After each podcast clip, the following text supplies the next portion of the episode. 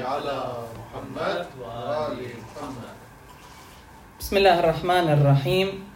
إنما المؤمنون الذين إذا ذكر الله وجلت قلوبهم وإذا تليت عليهم آياته زادتهم إيمانا وعلى ربهم يتوكلون. Gud har sagt i den heliga Koranen, troende är enbart de som bävar i sina hjärtan då de hör Guds namn nämnas. Och som känner sig stärkta i tron då de hör hans budskap läsas upp och som litar helt till sin Herre. Vad menas med hjärtat i den heliga Koranen? Hjärtat har nämnts 130 gånger i den heliga Koranen. Varför har det talats så mycket om hjärtat? Hjärtat, som vi känner till, det är inte den här eh, kroppsdelen som är lika stor som en knytnäve. Det här organet som har ungefär fyra funktioner. Eh, näring, värme, rengöring, vatten. Det är inte den som Koranen syftar på. Utan det som Koranen syftar på är någonting som har mycket större betydelse än detta och som skiljer sig helt och hållet från den här lilla kroppsdelen som vi känner till. Vidare säger Koranen, fi qulubihim marad. Fazadahum Allahu marada. Deras hjärtan är sjuka och Gud låter sjukdom förvärras. Den här sortens sjukdom är inte den sjukdomen som kirurger och läkare behöver ingripa för att eh, läka. Utan man vänder sig med dessa sjukdomar till en annan läkare. En läkare som är insatt i andliga sjukdomar. Och som vi har bland våra lärda och arafa och mystiker. Må Gud vara barmhärtig över dem föregångna och bevara dem nuvarande. Och de har lämnat till oss botemedel för de här sortens sjukdomar. Så vad är hjärtat för något egentligen? För att svara på det här måste vi gå tillbaka till människans essens. Syftet bakom människans existens. Trots att en människa är egentligen en varelse, en enda skapelse, en enda person, är människan i själva verket en enorm mångfald i sig.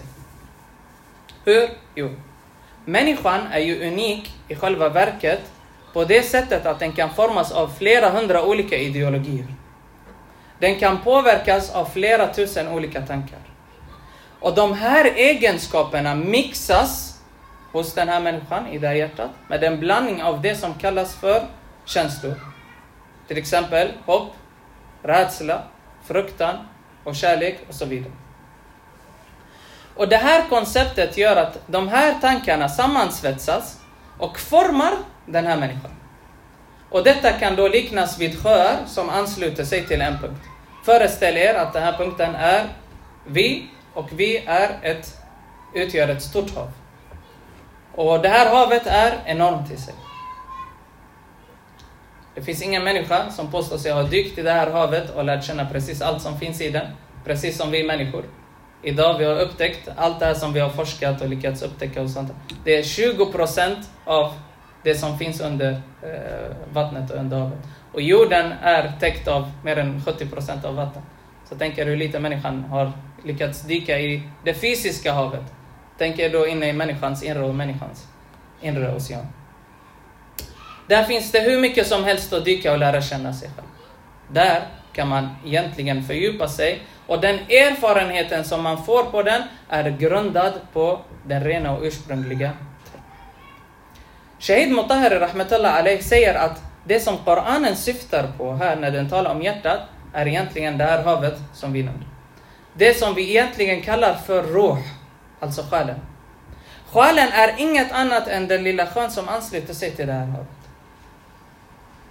Och då Koranen talar om uppenbarelse så nämner den inget om hjärta, om hjärnan. Förlåt. När den tilltalar människan om uppenbarelse, den säger aldrig hjärnan utan den riktar sig helt och hållet till hjärtat. Och till vems hjärta? Till profetens hjärta. Som har uppnått en stadie som vi inte ens kan ha. Som gjorde att profeten kunde se saker och ting i sin sanna essens. Förstå den vackra sanningen bakom skapelsen. Det innebär alltså att hjärnan och känslorna är väldigt begränsade i jämförelse med det som hjärtat kan se. Hjärnan och känslorna kan därför inte begripa sig på den heliga Koranen. Hjärtat måste vara mottagligt för att kunna ta in det här ljuset av den heliga Koranen. om förhärdandet av hjärtat, säger Koranen, أفمن شرح الله صدره للإسلام فهو على نور من ربه فويل للقاسية قلوبهم من ذكر الله أولئك في ضلال مبين Kan den vars bröst Gud öppnar så att den kan fyllas av underkastelse under hans vilja och så att han kan ledas av sin Herres ljus jämställas med den som är blind för Guds budskap. Olyckliga är de som förhärdar sina hjärtan mot tanken på Gud. Det är uppenbart att de har gått vilse.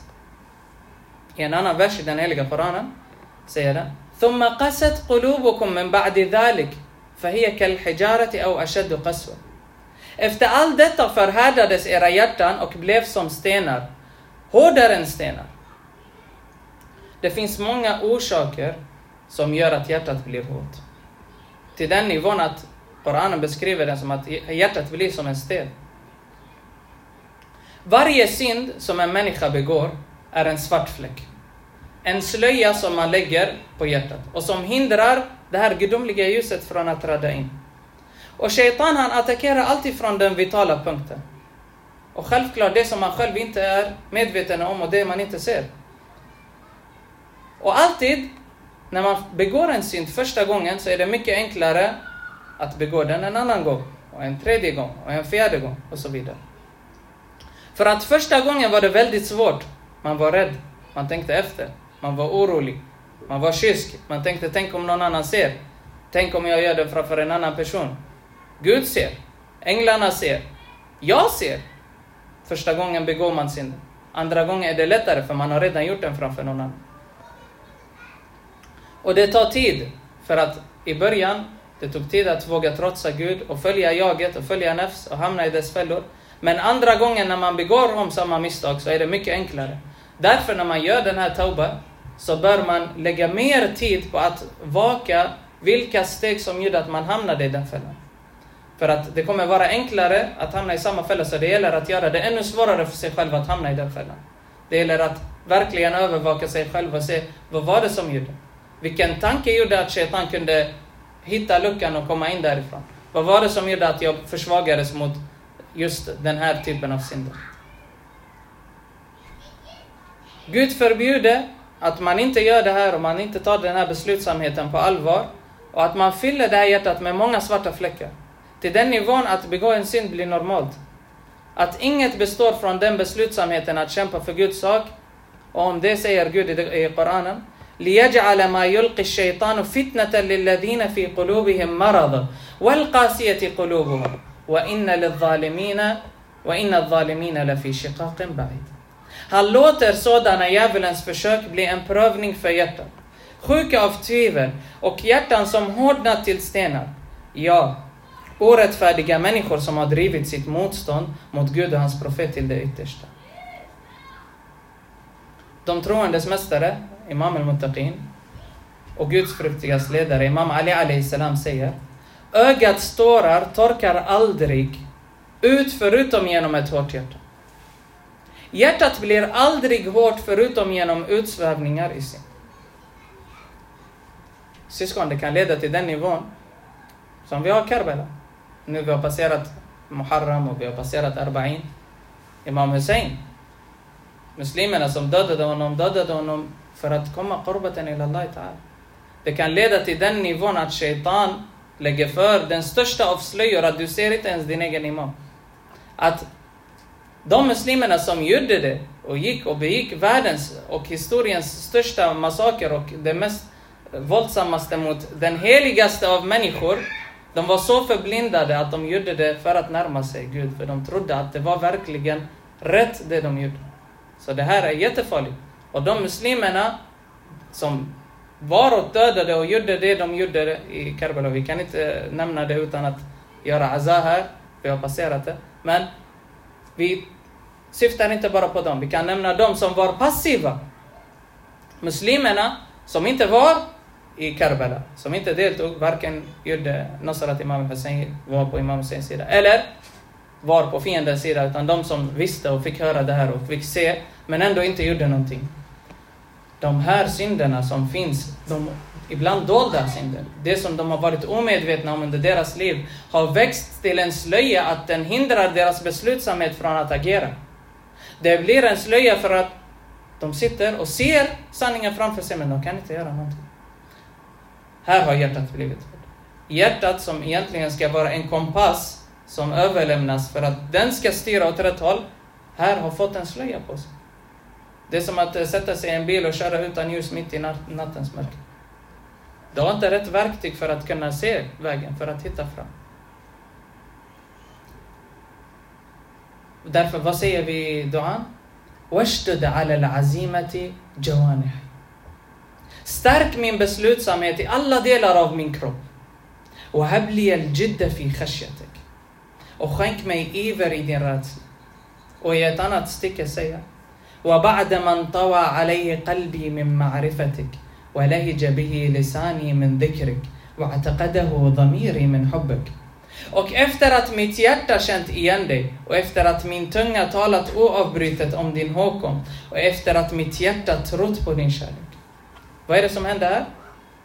Jo, egentligen måste hjärtat renas. Det inre måste börja tro. För att sen ska det spegla ut sig i handling. För när det återspeglas, handlingen kommer från ditt rena inre, handlingen är ren.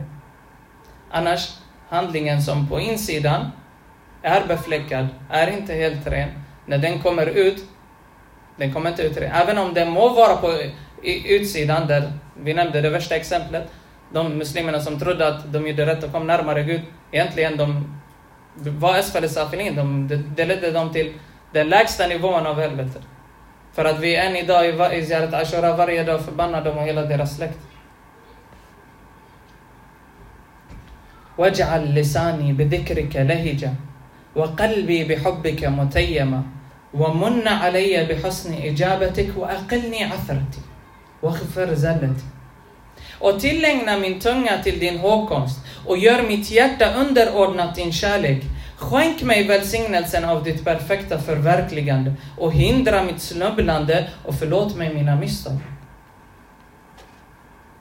Vill du veta om ditt hjärta fruktar Gud i ditt inre eller inte?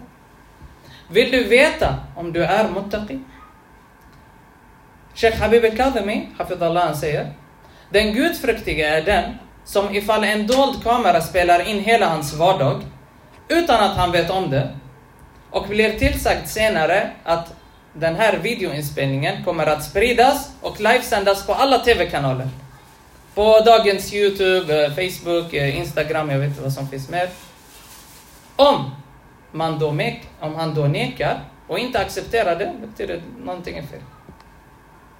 Om han inte vågar visa. Då kommer han säga, gör som ni vill. Jag fruktar inget, jag har ingenting att dölja. Jag är inte rädd för något.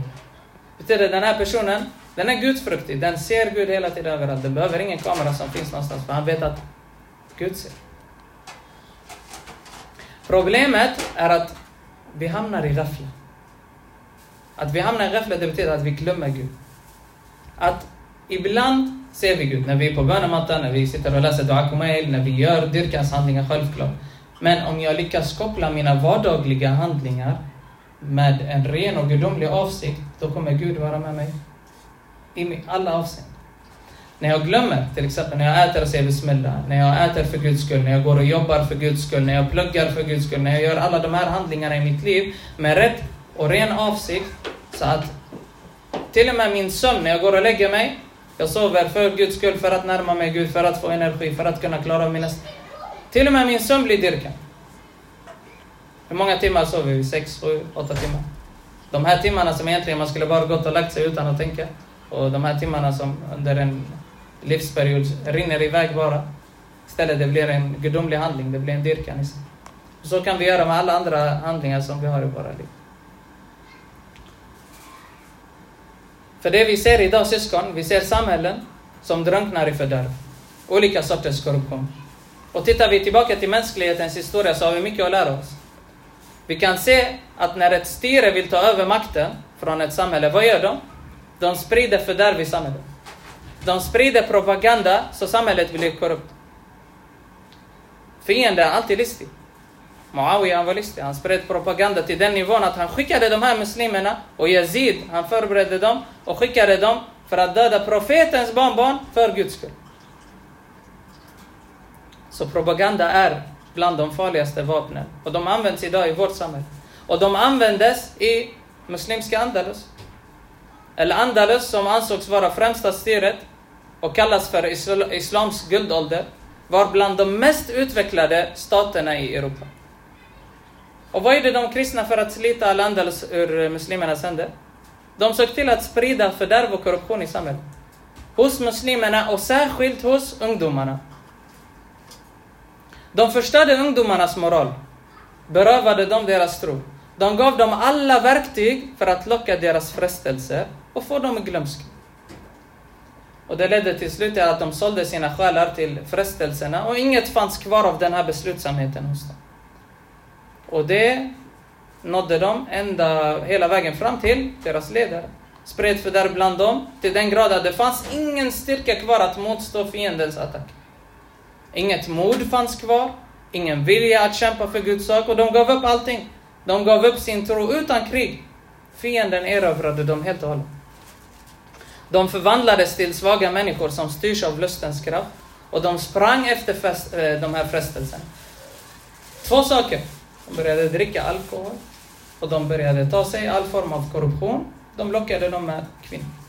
Kvinnor och alkohol, ungdomarna och männen sålde sina själar och på det sättet kunde de ta över hela landet. Och, och historien, syskon, historien skäms från att återberätta den här. Att de kristna tog till sig dessa medel, kristna som profeten Isa salam lärde dem att om de får ett slag på högra kinden så ska de vända, på den, vända fram den vänstra. Och de spred blodbad i Andalus och muslimerna kapitulerade. Och de förlorade striden på grund av att deras tro försvagades. Och idag syskon, de tar till samma medel. Vi ser det idag spritt bland alla muslimska länder. Hur fördärv och korruption slår till hjärtat av människorna. Och vi ser den ena efter den andra falla i fiendens händer. Styrs och styras av fienden. Och därför att vi har vänt Koranen ryggen. Om det säger Koranen, Bel qulubuhum fi ghamratin min hada, walahum a'malum min duni dhalik, wahum laha amilun. أولئك الذين طبع الله على قلوبهم وسمعهم وأبصارهم وأولئك هم الغافلون Nej, deras hjärtan är fulla av oro och förvirring som döljer för dem sanningen i denna Koran. Men dessutom bär de på en börda av onda handlingar. De kommer att fortsätta att begå dem. Det är dessa människor vars hjärtan, hörsel och syn Gud har förseglat. Och de är de likgiltiga, de tanklösa. Och Gud förbjuder att vi råkar ut för detta. För Alhamdulillah, samtidigt som vi attackeras från alla fronter så har vi våra syskon som offrar sig själva på krigsfronten. وتعاونوا على البر والتقوى ولا تعاونوا على الإثم والعدوان. Samarbeta för att främja fromhet och gudsfruktan och sluter inte samman för att främja synd och fiendskap. Våra syskon i Muqawam, i motståndsrörelsen, i alla islamiska länder håller på också att blomstra. Och de blomstrar och de segrar och idag ser vi hur fienden gång efter gång förlorar. Förlorar mark, förlorar styrka, förlorar beslutsamhet. Det som de trodde var möjligt 10-20 år sedan ser de idag har blivit omöjligt på grund av den enade kraften hos Hezb al-Muqawama. Hos motståndarnas, hos de unga som har lyckats bevara och skydda sin tro och enade står de mot all form av lurendrejeri, all form av listighet från shaitan, all form av fällor som största shaitanen idag försöker planera. Vi planerar också. Gud planerar och de planerar och Gud är sannerligen den bästa planeraren. Och vi säger å tidernas sultan och sahab zaman om dig Imam Askari salam, han skickar sina hälsningar till dig och säger till sin son Imam Mahdi Ajalallah, du ska veta Sannerligen, sannerligen kommer de ödmjukas och uppriktigas hjärtan att dra sig till dig så som fåglarna dras till deras nästen. Och vi säger, åh Imam Zaman, ta våra avlägsnade hjärtan och för dem till dig. Vänd och vrid på dem så som du önskar. Vi överlämnar vårt hjärta i dina välsignade händer, så vi må vara bland dem, de vars hjärtan bävar då hans namn uttalas, och som med jämnmod bär de motgångar som drabbar dem och som regelbundet förrättar bönen och ger åt andra av det vi har skänkt dem för deras förtjänst. Om de säger Koranen, Alladina amanu, och vad?